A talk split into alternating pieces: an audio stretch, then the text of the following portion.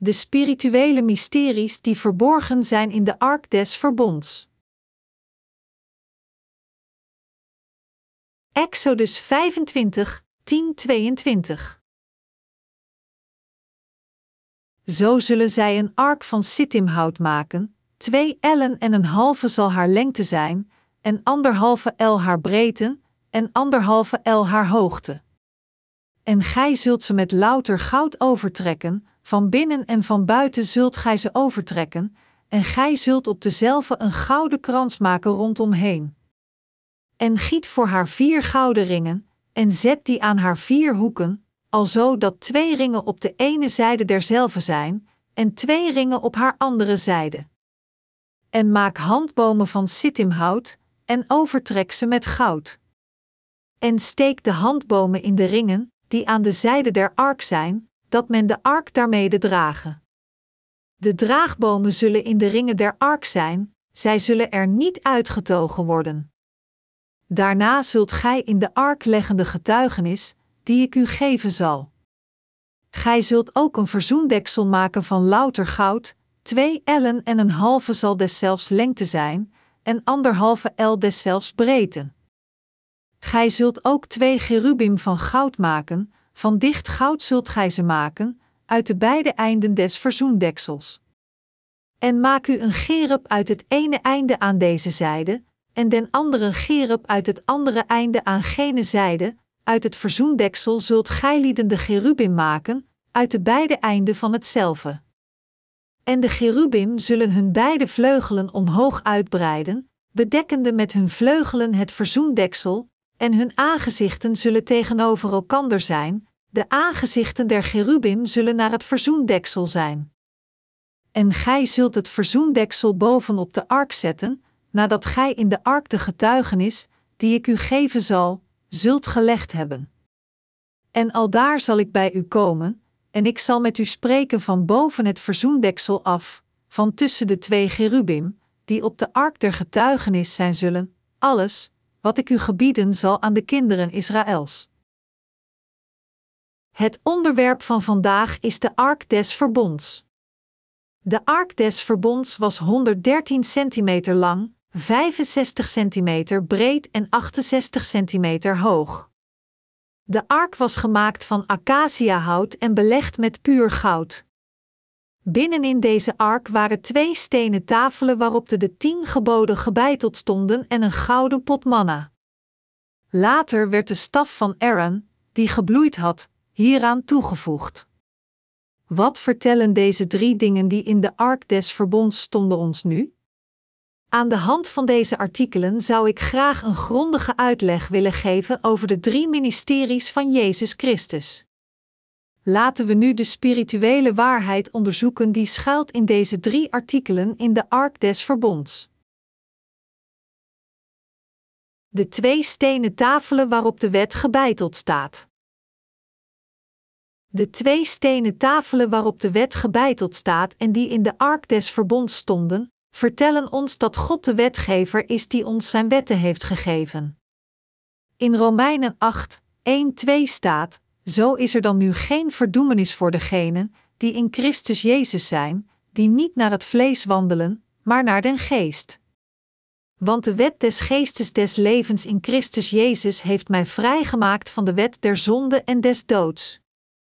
Uit deze passage kunnen we afleiden dat God twee wetten in ons hart heeft gevestigd: de wet van het leven en de wet van de verdoemenis.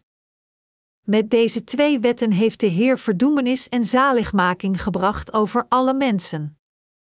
In de eerste plaats kunnen we aan de hand van de wet vaststellen dat we alle zondaars zijn die onherroepelijk voorbestemd zijn voor de hel.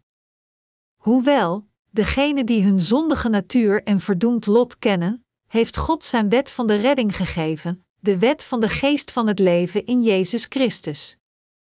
God werd voor iedereen de ware verlosser omdat hij hen deze twee wetten heeft gegeven. Het manna in de gouden pot. In de gouden pot die zich ook in de ark bevond, zat manna. Toen het volk van Israël veertig jaar in de woestijn verbleef, bracht God hen voedsel uit de hemel en de Israëlieten leefden van dit manna door het op verschillende manieren te koken. Het leek op wit korianderzaad en het smaakte als wafels met honing. Dit manna dat God het volk van Israël had gegeven, hield hen in leven totdat zij het land van Canaan binnengingen. Om dit voedsel dus niet te vergeten, werd het in zo'n pot bewaard. Dit vertelt ons dat wij, hedendaagse gelovigen, ook moeten eten van het levensbrood waarvan Gods spirituele kinderen van moeten leven in deze wereld totdat ze de hemel mogen betreden.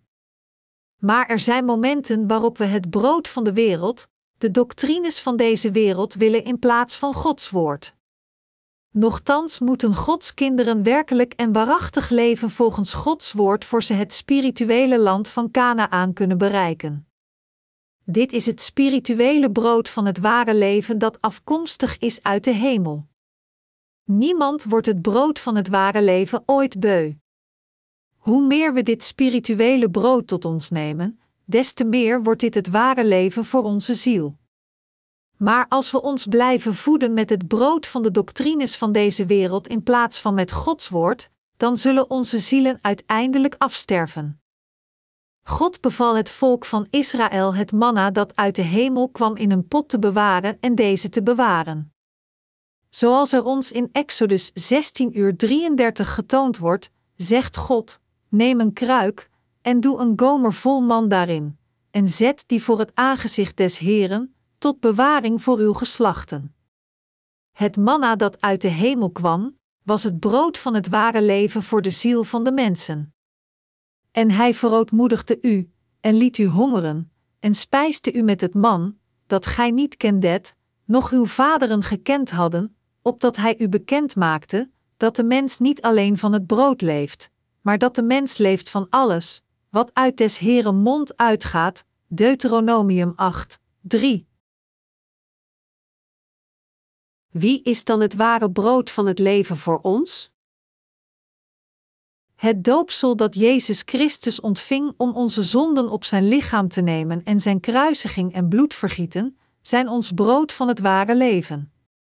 Door ons zijn lichaam en bloed te geven, is Jezus Christus het brood van het eeuwige leven geworden. Zoals Johannes ons in 6, 48, 58 ons vertelt: Ik ben het brood des levens. Uw vaders hebben het manna gegeten in de woestijn, en zij zijn gestorven. Dit is het brood, dat uit den hemel nederdaalt, opdat de mens daarvan eten en niet sterf. Ik ben dat levende brood, dat uit den hemel nedergedaald is. Zo iemand van dit brood eet, die zal in der eeuwigheid leven. En het brood, dat ik geven zal, is mijn vlees, het welk ik geven zal voor het leven der wereld. De Joden dan streden onder elkander, zeggende: Hoe kan ons deze zijn vlees te eten geven? Jezus dan zeide tot hen: Voorwaar, voorwaar zeg ik u lieden, tenzij dat gij het vlees des zoons des mensen eet, en zijn bloed drinkt, zo hebt gij geen leven in u zelven. Die mijn vlees eet en mijn bloed drinkt, die heeft het eeuwige leven, en ik zal hem opwekken ten uiterste dagen. Want mijn vlees is waarlijk spijs, en mijn bloed is waarlijk drank. Die mijn vlees eet en mijn bloed drinkt, die blijft in mij, en ik in hem. Gelijkerwijs mij de levende Vader gezonden heeft, en ik leven door den Vader, alzo die mij eet, dezelfde zal leven door mij. Dit is het brood, dat uit den hemel nedergedaald is, niet gelijk uw vaders het manna gegeten hebben, en zijn gestorven. Die dit brood eet, zal in der eeuwigheid leven. Onze Heer zei: Dit is het brood, dat uit den hemel nedergedaald is, niet gelijk uw vaders het manna gegeten hebben, en zijn gestorven. Die dit brood eet, zal in der eeuwigheid leven. Wat was het levende brood, dat uit den hemel nedergedaald is? Dit is het lichaam en bloed van Jezus. In de Bijbel vertelt het lichaam van Jezus ons dat Jezus Christus de zonde van de wereld op zich nam door in de Jordaan gedoopt te worden van Johannes. En het bloed van Jezus vertelt ons dat Hij de zonden van de wereld op zich droeg en de veroordeling ervan onderging door gekruisigd te worden omdat Jezus gedoopt was. Het manna in de pot die in het binnenste van de ark des verbonds was gezet, was het levensbrood voor de Israëlieten toen zij in de woestijn verbleven.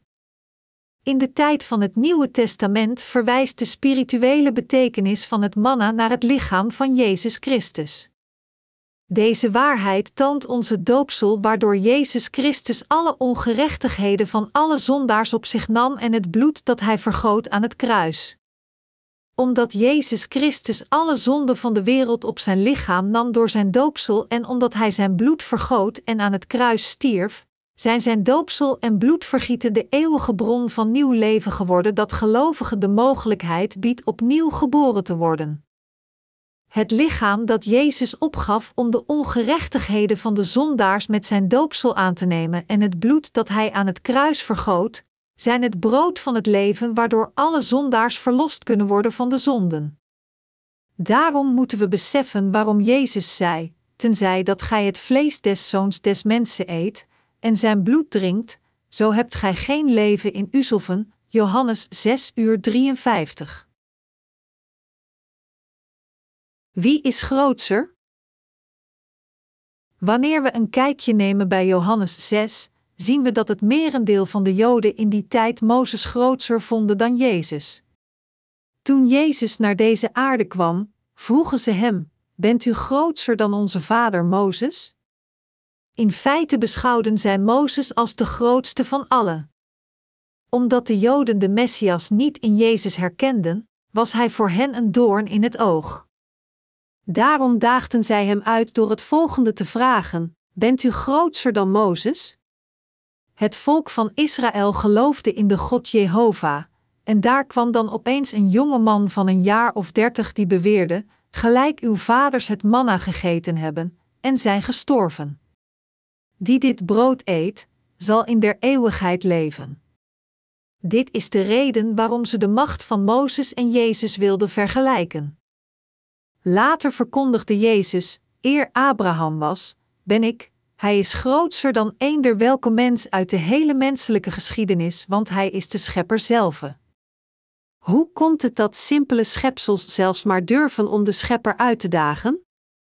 Toch zijn er nog mensen die blijven beweren dat Jezus slechts een groots leraar was, een van de vele grote wijsgeren uit de menselijke geschiedenis. Wat een godslastering!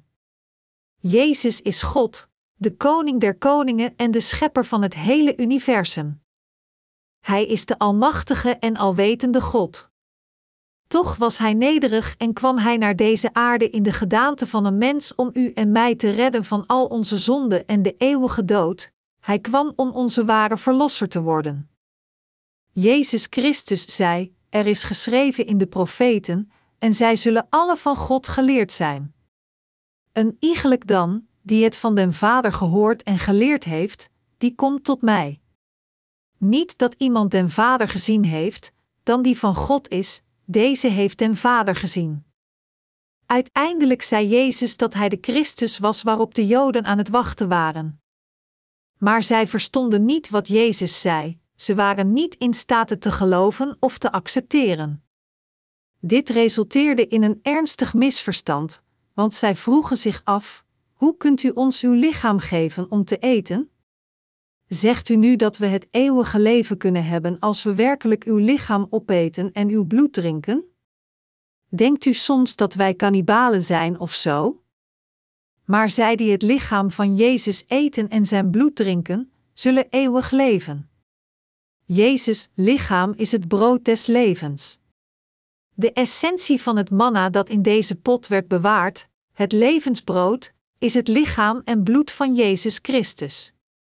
Door naar deze aarde te komen en zijn lichaam en bloed op te geven, heeft Jezus het ons mogelijk gemaakt het brood des levens te eten en het eeuwige leven te ontvangen.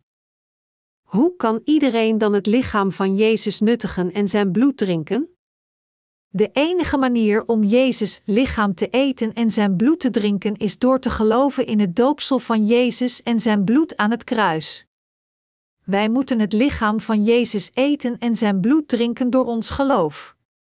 opdat u en ik verlost worden van onze zonden en opdat wij voor eeuwig kunnen leven in het koninkrijk van de hemel, heeft onze Heer al onze zonden voor eens en voor altijd uitgewist door gedoopt te worden en door zijn bloed te vergieten.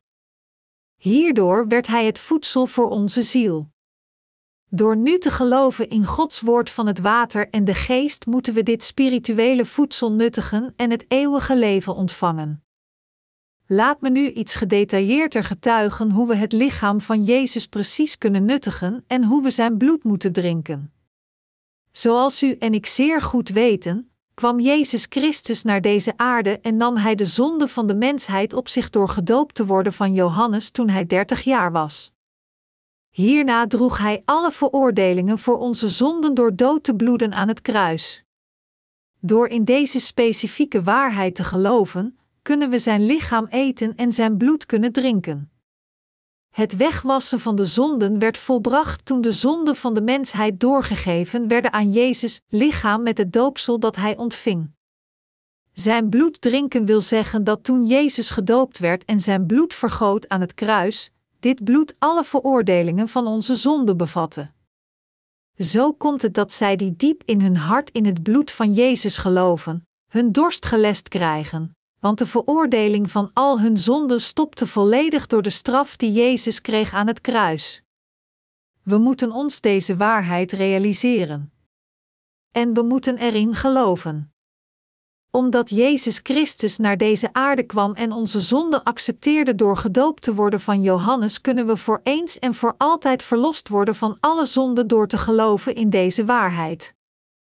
God zei ons het lichaam van Jezus te eten en zijn bloed te drinken door ons geloof. Omdat Jezus alle zonden op zich nam door het doopsel dat hij kreeg van Johannes, zonder een enkele ongerechtigheid weg te laten, en omdat hij zijn lichaam opgaf voor de straf aan het kruis en omdat hij zijn waardevol bloed vergoot, daarom is het hart van de gelovigen nu rein en niet langer dorstig want zij hebben al hun zonden weggewassen en alle veroordelingen van de zonde gedragen door het geloof.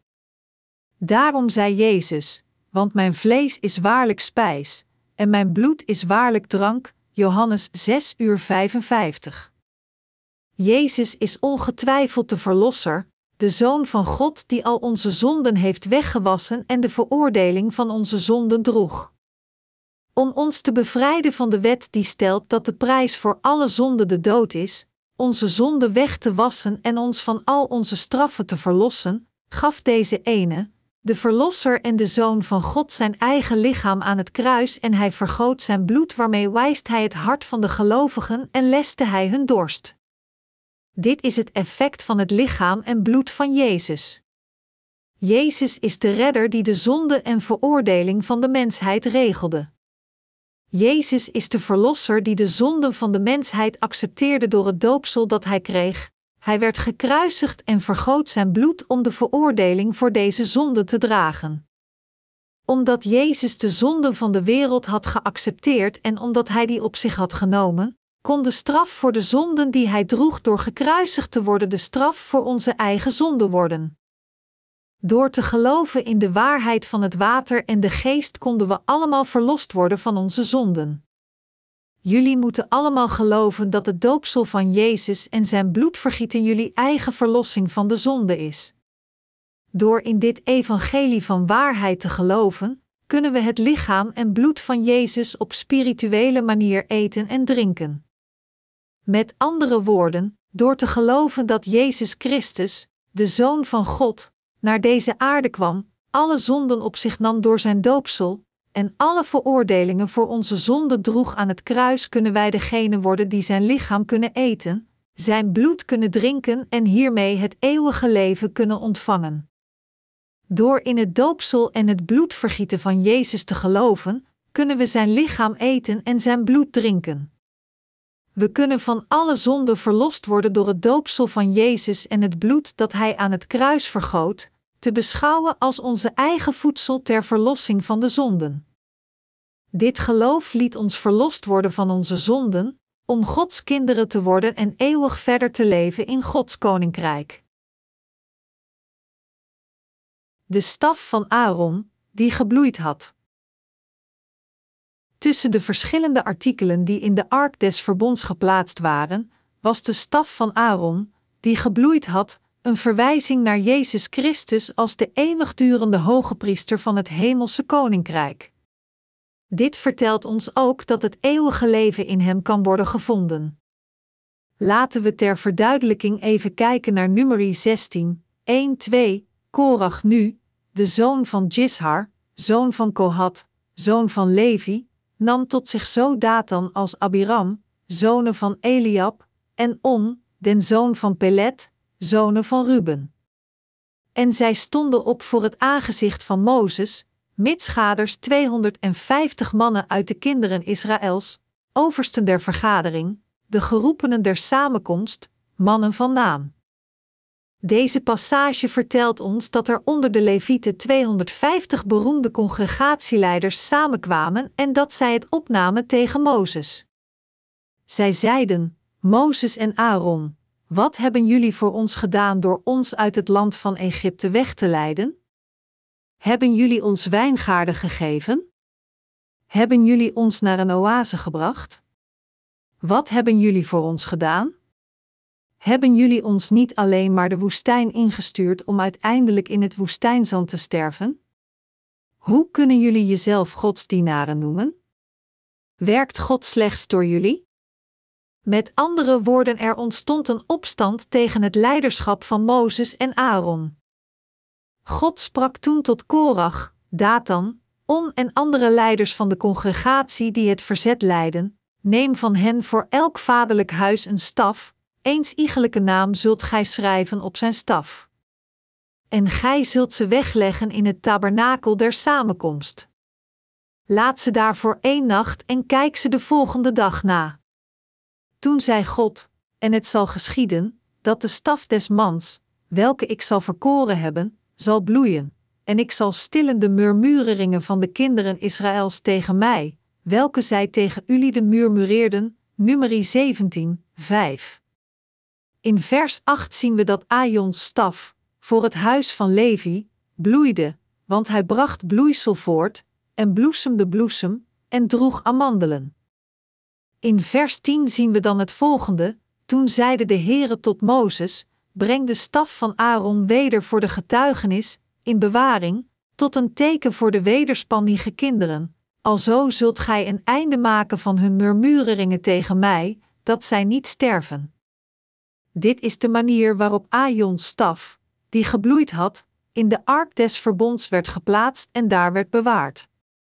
Dit toont aan dat Aaron, een afstammeling van Levi, was aangewezen de hoge priester te worden van het volk van Israël. Mozes was Gods profeet en Aaron en zijn afstammelingen waren de hoge priesters van het volk van Israël. God heeft zelf de taken van de wereldlijke hoge priester aan Aaron opgedragen. God had het opofferingssysteem aan Mozes getoond. Het volk van Israël bracht offers mee en offerde deze aan God wanneer ze gezondigd hadden. En hij maakte Aaron de opziener, om erop toe te zien dat de offergaves gebeurden volgens het opofferingssysteem. En ook al had God alle priesterlijke taken aan Aaron, de hoge priester, opgedragen, toch waren er nog mensen die tegen zijn priesterschap waren. Daarom liet God de staf van Aaron bloeien, om aan te tonen dat zijn priesterschap van God afkomstig was. Daarna liet hij het volk van Israël deze staf in de ark des verbonds bewaren ter nagedachtenis aan deze les. Op deze manier kwamen de twee stenen tafelen van de wet, de pot met het manna en Aions staf die gebloeid had in de ark des verbonds terecht. Waarnaar verwijzen deze drie artikelen spiritueel? Zij verwijzen naar de diensten van Jezus Christus onze Verlosser. Welke diensten vervulde Jezus Christus om al onze zonden uit te wissen? Ten eerste vervulde hij de dienst van de profeet. Hij is de Alpha en de Omega. Hij kent het begin en het eind, en hij heeft ons alles geleerd over het eerste en het laatste. Onze Heer wist wat er met de mensheid was gebeurd, met u en mij, als we vol zonde waren gebleven. Ten tweede was Jezus de eeuwige hoge priester van het hemelse koninkrijk geworden. Hij kwam naar deze aarde omdat hij ons wou redden van de zonden door zelf onze eigen persoonlijke verlosser te worden, om ons volledig te redden door onze ware hoge priester van het hemelse koninkrijk te worden. Ten derde, Jezus Christus is onze koning. De Bijbel zegt: En hij heeft op zijn kleed en op zijn dij deze naam geschreven: Koning der koningen en Heere der heren. Openbaring 19 uur 16. Hij is de werkelijke schepper van het hele universum, dus heeft hij de zeggenschap om over alles daarin te heersen. We moeten er ons alle van vergewissen dat Jezus Christus, die onze ware koning is, onze profeet die ons de waarheid van onze zaligheid van de zonde leerde, en de eeuwige hoge priester van de hemel, nu onze ware verlosser geworden is. Onze Heer heeft u en mij van de zonde gered, Hij heeft ons tot Gods kinderen gemaakt, Zijn kinderen en Zijn werkers, en Hij heeft het mogelijk gemaakt dat we goede daden verrichten. Hij heeft onze ziel zo gemaakt dat we wedergeboren kunnen worden, zodat we nieuwe levens kunnen leven op deze aarde. Hij heeft ons nieuw leven geschonken, zodat Hij onze lichamen kan herrijzen om voor eeuwig met Hem in de hemel te leven wanneer de tijd rijp is. Wie is Jezus Christus voor u en voor mij? Hij is onze ware Verlosser. En Jezus Christus is onze profeet, onze eeuwige hoge priester en onze koning. Hoewel we Gods wil niet willen negeren, zondigen we toch altijd omdat we zo ontoereikend en zwak zijn. Als we zo blijven leven, sterven en tenslotte voor God komen te staan, wat zou dan de aangewezen plaats zijn om heen te gaan? Zou het de hemel of de hel zijn? Als we alle veroordeeld zouden worden volgens de wet die zegt dat de straf voor zonde de dood is, zouden we dan niet allemaal vernietigd worden? Hij die zo'n mensen als ons van de zonde en vernietiging gered heeft en die onze verlosser is geworden, is Jezus Christus. Hij kwam zelf naar deze aarde, had ons lief en werd de verlosser die ons redde van de zonden. Hiermee werd hij de grote herder van zijn kudde. In Johannes 3 uur 16 staat: Want al zo lief heeft God de wereld gehad, dat hij zijn enige geboren zoon gegeven heeft, opdat een iegelijk die in hem gelooft, niet verderven, maar het eeuwige leven hebben. God hield zoveel van u en mij dat Hij zelf naar deze aarde is gekomen voor ons, gedoopt werd om de zonde van de wereld op zich te nemen, gekruisigd en gestorven is aan het kruis, van de dood is herrezen en daarmee werkelijk onze Verlosser is geworden. Door dus met ons hart in Jezus Christus te geloven die onze Verlosser is geworden, zijn wij degene geworden die gereinigd zijn van de zonde en die de gave van de verlossing van de zonden hebben gekregen. Hierdoor konden wij Gods kinderen worden en het eeuwige leven krijgen. Er is één ding waarin we absoluut moeten geloven wanneer we voor God komen te staan. Namelijk dat God van ons hield en dat Hij naar deze aarde is gekomen in de gedaante van een mens, gedoopt werd, aan het kruis stierf, van de dood herrees en hierdoor onze ware Verlosser werd om onze zonde weg te wassen. Door het lichaam van Jezus te eten en zijn bloed te drinken en door ons geloof in ons hart kunnen we het eeuwige leven ontvangen. Omdat niets duidelijker kan zijn dan dit feit, kunnen we niets anders dan dit erkennen en erin geloven. Door ons geloof moeten we het lichaam van Jezus eten en zijn bloed drinken. En iedereen moet dit evangelie van het water en de geest dat door Jezus vervuld is, erkennen en erin geloven. Kunnen we iets anders doen dan geloven? We kunnen niets anders dan tegenover God staan. We zijn snel ongehoorzaam ten opzichte van God en we zondigen snel. Maar toch heeft God ons voor eens en voor altijd van al onze zonden verlost, omdat Hij van ons allen houdt. Hoe sprak God over Zijn zaligheid in de tijd van het Oude Testament? Op welke manier heeft de Heer ons dan gered? In het Oude Testament sprak hij over deze zaligheid door de kleuren die gebruikt werden in de deur van de tabernakel en de kledij die de hoge priester droeg. De kleuren van de blauwe, purperen en scharlakenrode wol en het getwijnde linnen die kunnen worden teruggevonden in de deur van de tabernakel zijn de openbaring die ons zijn perfecte zaligmaking openbaren. En er werd goudgaren toegevoegd aan de kledij van de hoge priester. De blauwe wol vertelt ons dat Jezus Christus naar deze aarde kwam als onze Verlosser en onze zonden op zich nam door gedoopt te worden. De purperen wol vertelt ons dat Jezus Christus de koning der koningen is en dat God de schepper is die het universum schiep. De scharlakenrode wol vertelt ons dat omdat Jezus Christus onze zonden op zich nam met zijn doopsel, hij de zonde van de wereld met zich meedroeg en dat hij voor die zonde veroordeeld werd aan het kruis door zijn bloed te vergieten en te sterven. Hiermee gaf Hij aan ons alle de zaligmaking die ons verloste van de veroordeling van al onze zonden. Het fijn getwijnde linnen betekent dat het ingewikkelde woord van het Oude en Nieuwe Testament, dat onze Heer naar deze aarde kwam, gedoopt werd, aan het kruis stierf en van de dood herrees, hun zielen weer wit als sneeuw maakte en dat deze woorden hen gered hebben. Het gouden garen staat voor het geloof in wat Jezus Christus voor ons heeft gedaan.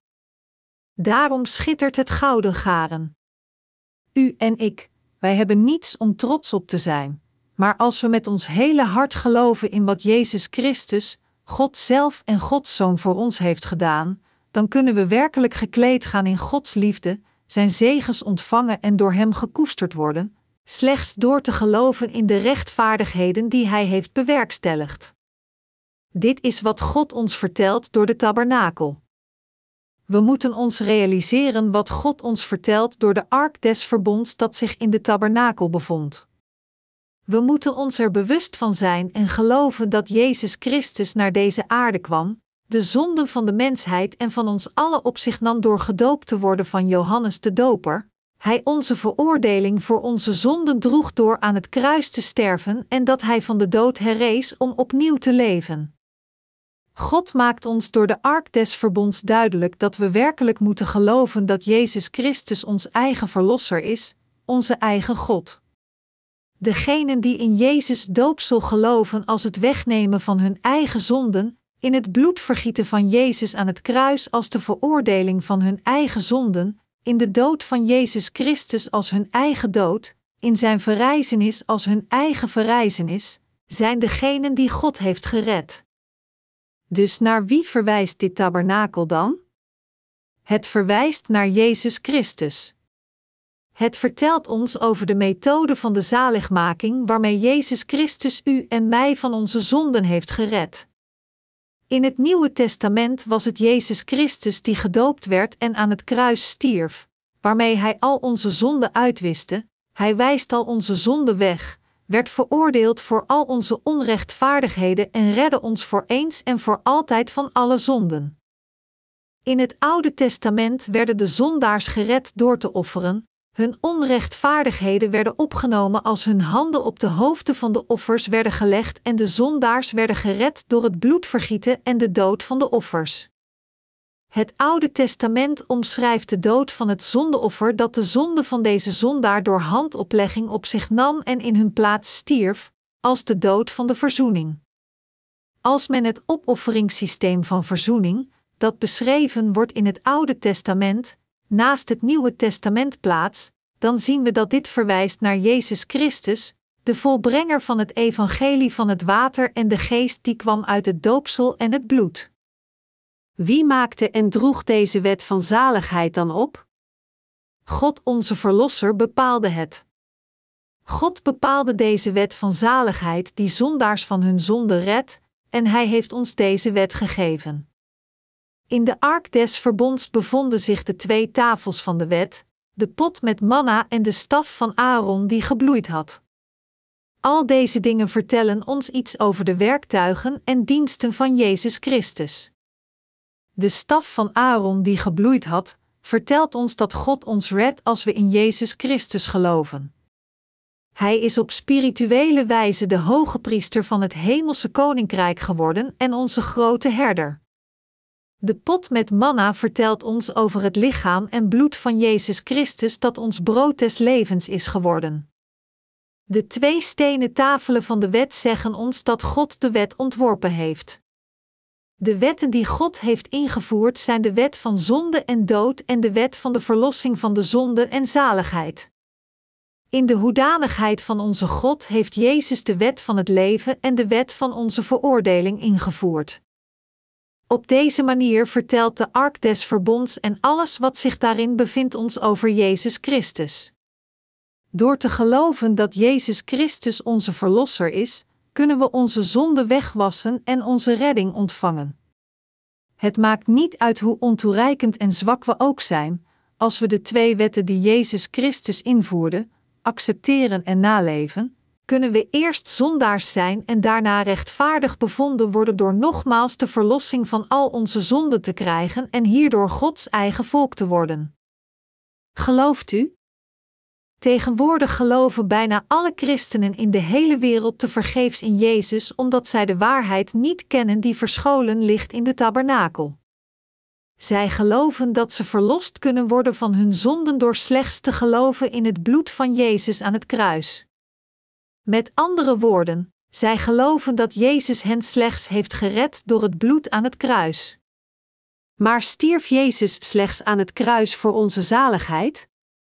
Is dat het enige wat Hij deed voor onze verlossing? Helemaal niet. Want heeft Hij niet alle zonden van de wereld voor eens en voor altijd op zich genomen door gedoopt te worden van Johannes, Matthäus 3, 13, 15, 1 Petrus 3 uur 21, 1 Johannes 5, 6?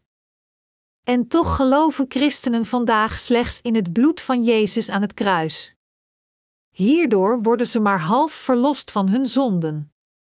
Dus ze zijn verlost van hun erfzonde door te geloven in Jezus Christus als de Verlosser, maar toch bidden ze elke dag om boete te doen en proberen ze zo hun dagelijkse zonden zelf weg te wassen. Hoe tegenstrijdig is deze zaligheid? Het is alsof ze de helft van hun zonde wegwassen door te geloven en de rest proberen ze te reinigen op eigen kracht. Wanneer dit het geval is, wat kan ik anders doen dan voortgaan met preken door steeds opnieuw het doopsel en het bloed van Jezus samen te brengen? Tot op dit ogenblik geloofden vele christenen in deze wereld, behalve de christenen uit de periode van de vroege kerk, in een halflege zaligheid. Is dit niet de reden waarom mensen nu in het christendom geloven alsof het niet meer is dan een wereldse godsdienst? Niet zo lang geleden werd een vrouw, een zekere Valeria Jones uit de Verenigde Staten, verlost van haar zonden nadat ze het eerste deel van deze reeks boeken over de tabernakel had gelezen. Voordat ze dit boek las, had ze al verschillende andere uitgaven gelezen. Hoewel ze akkoord ging met wat er in onze boeken werd gezegd, kon ze zichzelf niet volledig overtuigen van het evangelie van het water en de geest. Zij vertelde ons dat ze nog altijd enkele twijfels had en ze vroeg zich af: Dit lijkt zo waar, hoe komt het dan toch dat zoveel mensen dit niet preken? Maar ze gaf toe dat toen ze het eerste deel van de reeks over de tabernakel gelezen had, ze een helder geloof in de zaligheid had. Ze geloofde dat het evangelie van het water het ware evangelie is en dat het de werkelijke waarheid is die verscholen ligt in de tabernakel. Iemand uit Benin die hetzelfde boek gelezen had, schreef ons: U zult verbaasd opkijken wanneer ik u zeg dat toen ik van mijn zonde verlost werd door uw boek te lezen, ik mijn kerk heb verlaten. Waarom heb ik dit gedaan? Omdat deze kerk de leer van de geleidelijke heiligmaking preekte, iets dat ons niet in de Bijbel wordt geleerd. Deze doctrine van geleidelijke heiligmaking was totaal onbijbels. Ze bleven maar zeggen dat ik heilig moest en kon worden, terwijl mijn lichaam eigenlijk nooit heilig kan worden. Het was ondraaglijk om daar te zitten en naar zulke preken te moeten luisteren. Dat is de reden waarom ik afstand heb genomen van deze kerk. Omdat ik verlost werd van mijn zonde door uw boek te lezen, had ik geen andere keuze dan de kerk waar ik naartoe ging, te verlaten en er nu afstand van te doen. Zoals wij, die dit alles hebben meegemaakt, nu de mensen van geloof zijn geworden en één zijn met Gods kerk, zo kunnen ook alle andere mensen van deze wereld veranderen als ze de waarheid kennen. Het is zoals het woord zegt: en zult de waarheid verstaan, en de waarheid zal u vrijmaken. De ark des verbonds van de tabernakel toont ook Jezus Christus. Deze ark des verbonds stond in het diepste deel van de tabernakel. Men kon het slechts zien door het scherm van de tabernakel op te tillen en binnen te gaan, en dan door het scherm van het allerheiligdom op te tillen en daar binnen te wandelen. Met andere woorden, de deur van de tabernakel was gericht op het oosten, en de ark stond in de uiterste westelijke hoek van de tabernakel. De draagstokken mogen niet verwijderd uit de ark. In Exodus 25, 14, 15 staat: En steek de handbomen in de ringen, die aan de zijde der ark zijn, dat men de ark daarmede dragen. De draagbomen zullen in de ringen der ark zijn, zij zullen er niet uitgetogen worden. Wat betekenen deze versen? Aan de hand van deze versen vertelt God ons dat we het evangelie van het water en de geest zouden moeten dienen door ons aan Hem te wijden. Het evangelie kan slechts worden verspreid als we onszelf toewijden aan Zijn werk. Om de Heer te dienen door ons te wijden aan het evangelie is hetzelfde als de weg van het kruis te volgen, het pad dat onze Heer voor ons bewandeld heeft. Dat is de reden waarom hij het volgende tot zijn leerlingen zei: Zo wie achter mij wil komen, die verloochenen zichzelf en nemen zijn kruis op en volgen mij. Marcus 8 uur 34. Er is een enorme opoffering, inspanning en leed nodig om het ware evangelie over de hele wereld te verspreiden. Dit zien we aan hoeveel de apostel Paulus geleden heeft voor het evangelie van het water en de geest, zijn zij dienaars van Christus? Ik spreek onwijs zijnde, ik ben boven hen, in arbeid overvloediger, in slagen uitnemender, in gevangenissen overvloediger, in doodsgevaar menigmaal. Van de Joden heb ik veertig slagen minnen, vijfmaal ontvangen. Driemaal ben ik met roeden gegezeld geweest, eens ben ik gestenigd, driemaal heb ik schipbreuk geleden, een ganse nacht en dag heb ik in de diepte doorgebracht. In het reizen menigmaal in gevaren van rivieren, in gevaren van moordenaars, in gevaren van mijn geslacht, in gevaren van de heidenen, in gevaren in de stad, in gevaren in de woestijn, in gevaren op de zee, in gevaren onder de valse broeders, in arbeid en moeite, in waken menigmaal, in honger en dorst, in vaste menigmaal, in koude en naaktheid. Zonder de dingen, die van buiten zijn, overvalt mij dagelijks de zorg van al de gemeenten. 2 Korintiërs 11, 23, 28. Nochtans, zij die zichzelf meer liefhebben dan de Heer die zichzelf opgaf om iedereen van alle veroordeling te redden, kunnen zichzelf niet opgeven voor Gods koninkrijk. Er is geen gemakkelijke manier om het evangelie van het water en de geest te dienen. Hoe kan een landbouwer een goede oogst verwachten zonder een druppel zweet? Op dezelfde manier zou de ark des verbonds gedragen moeten worden door onze opofferingen. Koning David heeft ooit eens geprobeerd de ark te verplaatsen op een nieuwe kar die getrokken werd door ossen, in plaats van de ark te laten dragen met de draagstokken door zijn mannen, zoals het oorspronkelijk was bedoeld. Toen ze op weg waren, struikelden de ossen, en een man genaamd Uzza stak zijn hand uit naar Gods ark en nam deze vast. De woede van de Heer keerde zich tegen Uzza, en God haalde naar hem uit voor deze vergissing. Uzza stierf daarbij zijn ark, 2 Samuel 6, 1 7. David, die hiervan geschrokken was en de Heer die dag vreesde, nam de ark mee naar het huis van Obed-Edom, de Getiet. Hij kon de ark slechts drie maanden later naar zijn kasteel laten verplaatsen door het te laten dragen op de schouders van zijn mannen. Zoals dit relaas illustreert, moeten we de ark des verbonds precies dragen zoals God ons heeft opgedragen, met ons zweet en bloed, met onze opofferingen, onze voortdurende toewijding tot zijn evangelie. Zij die werkelijk met grote dankbaarheid verlost zijn van zonden, zijn meer dan bereid zichzelf toe te wijden aan de Heer die zichzelf ook aan ons heeft toegewijd. We danken de Heer, onze Verlosser en God keer op keer opnieuw. We danken Hem omdat Hij ons toelaat het Evangelie te dienen op deze aarde. Wij zijn allemaal verrukt en dolgelukkig door dit droombeeld, dat de Heer ons gekozen heeft dit evangelie van de waarheid te dienen en Hem te volgen en het soort leven te leiden dat Hem bekoort.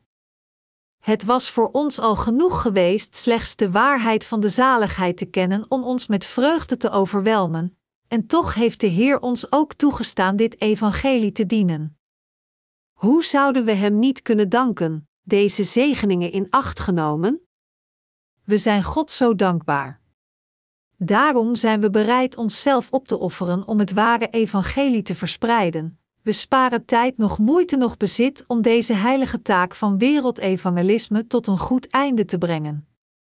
Dat we verlost zijn van de zonden is in feite al iets waar we oneindig dankbaar voor zijn.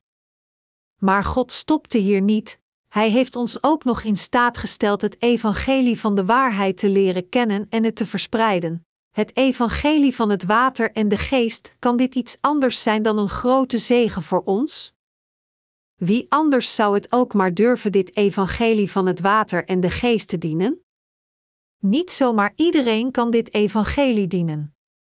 Kunnen politici het dienen? Burgemeesters?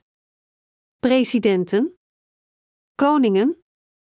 Het maakt niet uit welke hoge sociale posities zo'n mensen bekleden, als zij het evangelie van het water en de geest niet kennen en er niet in geloven, dan kunnen ze het ware evangelie nooit dienen.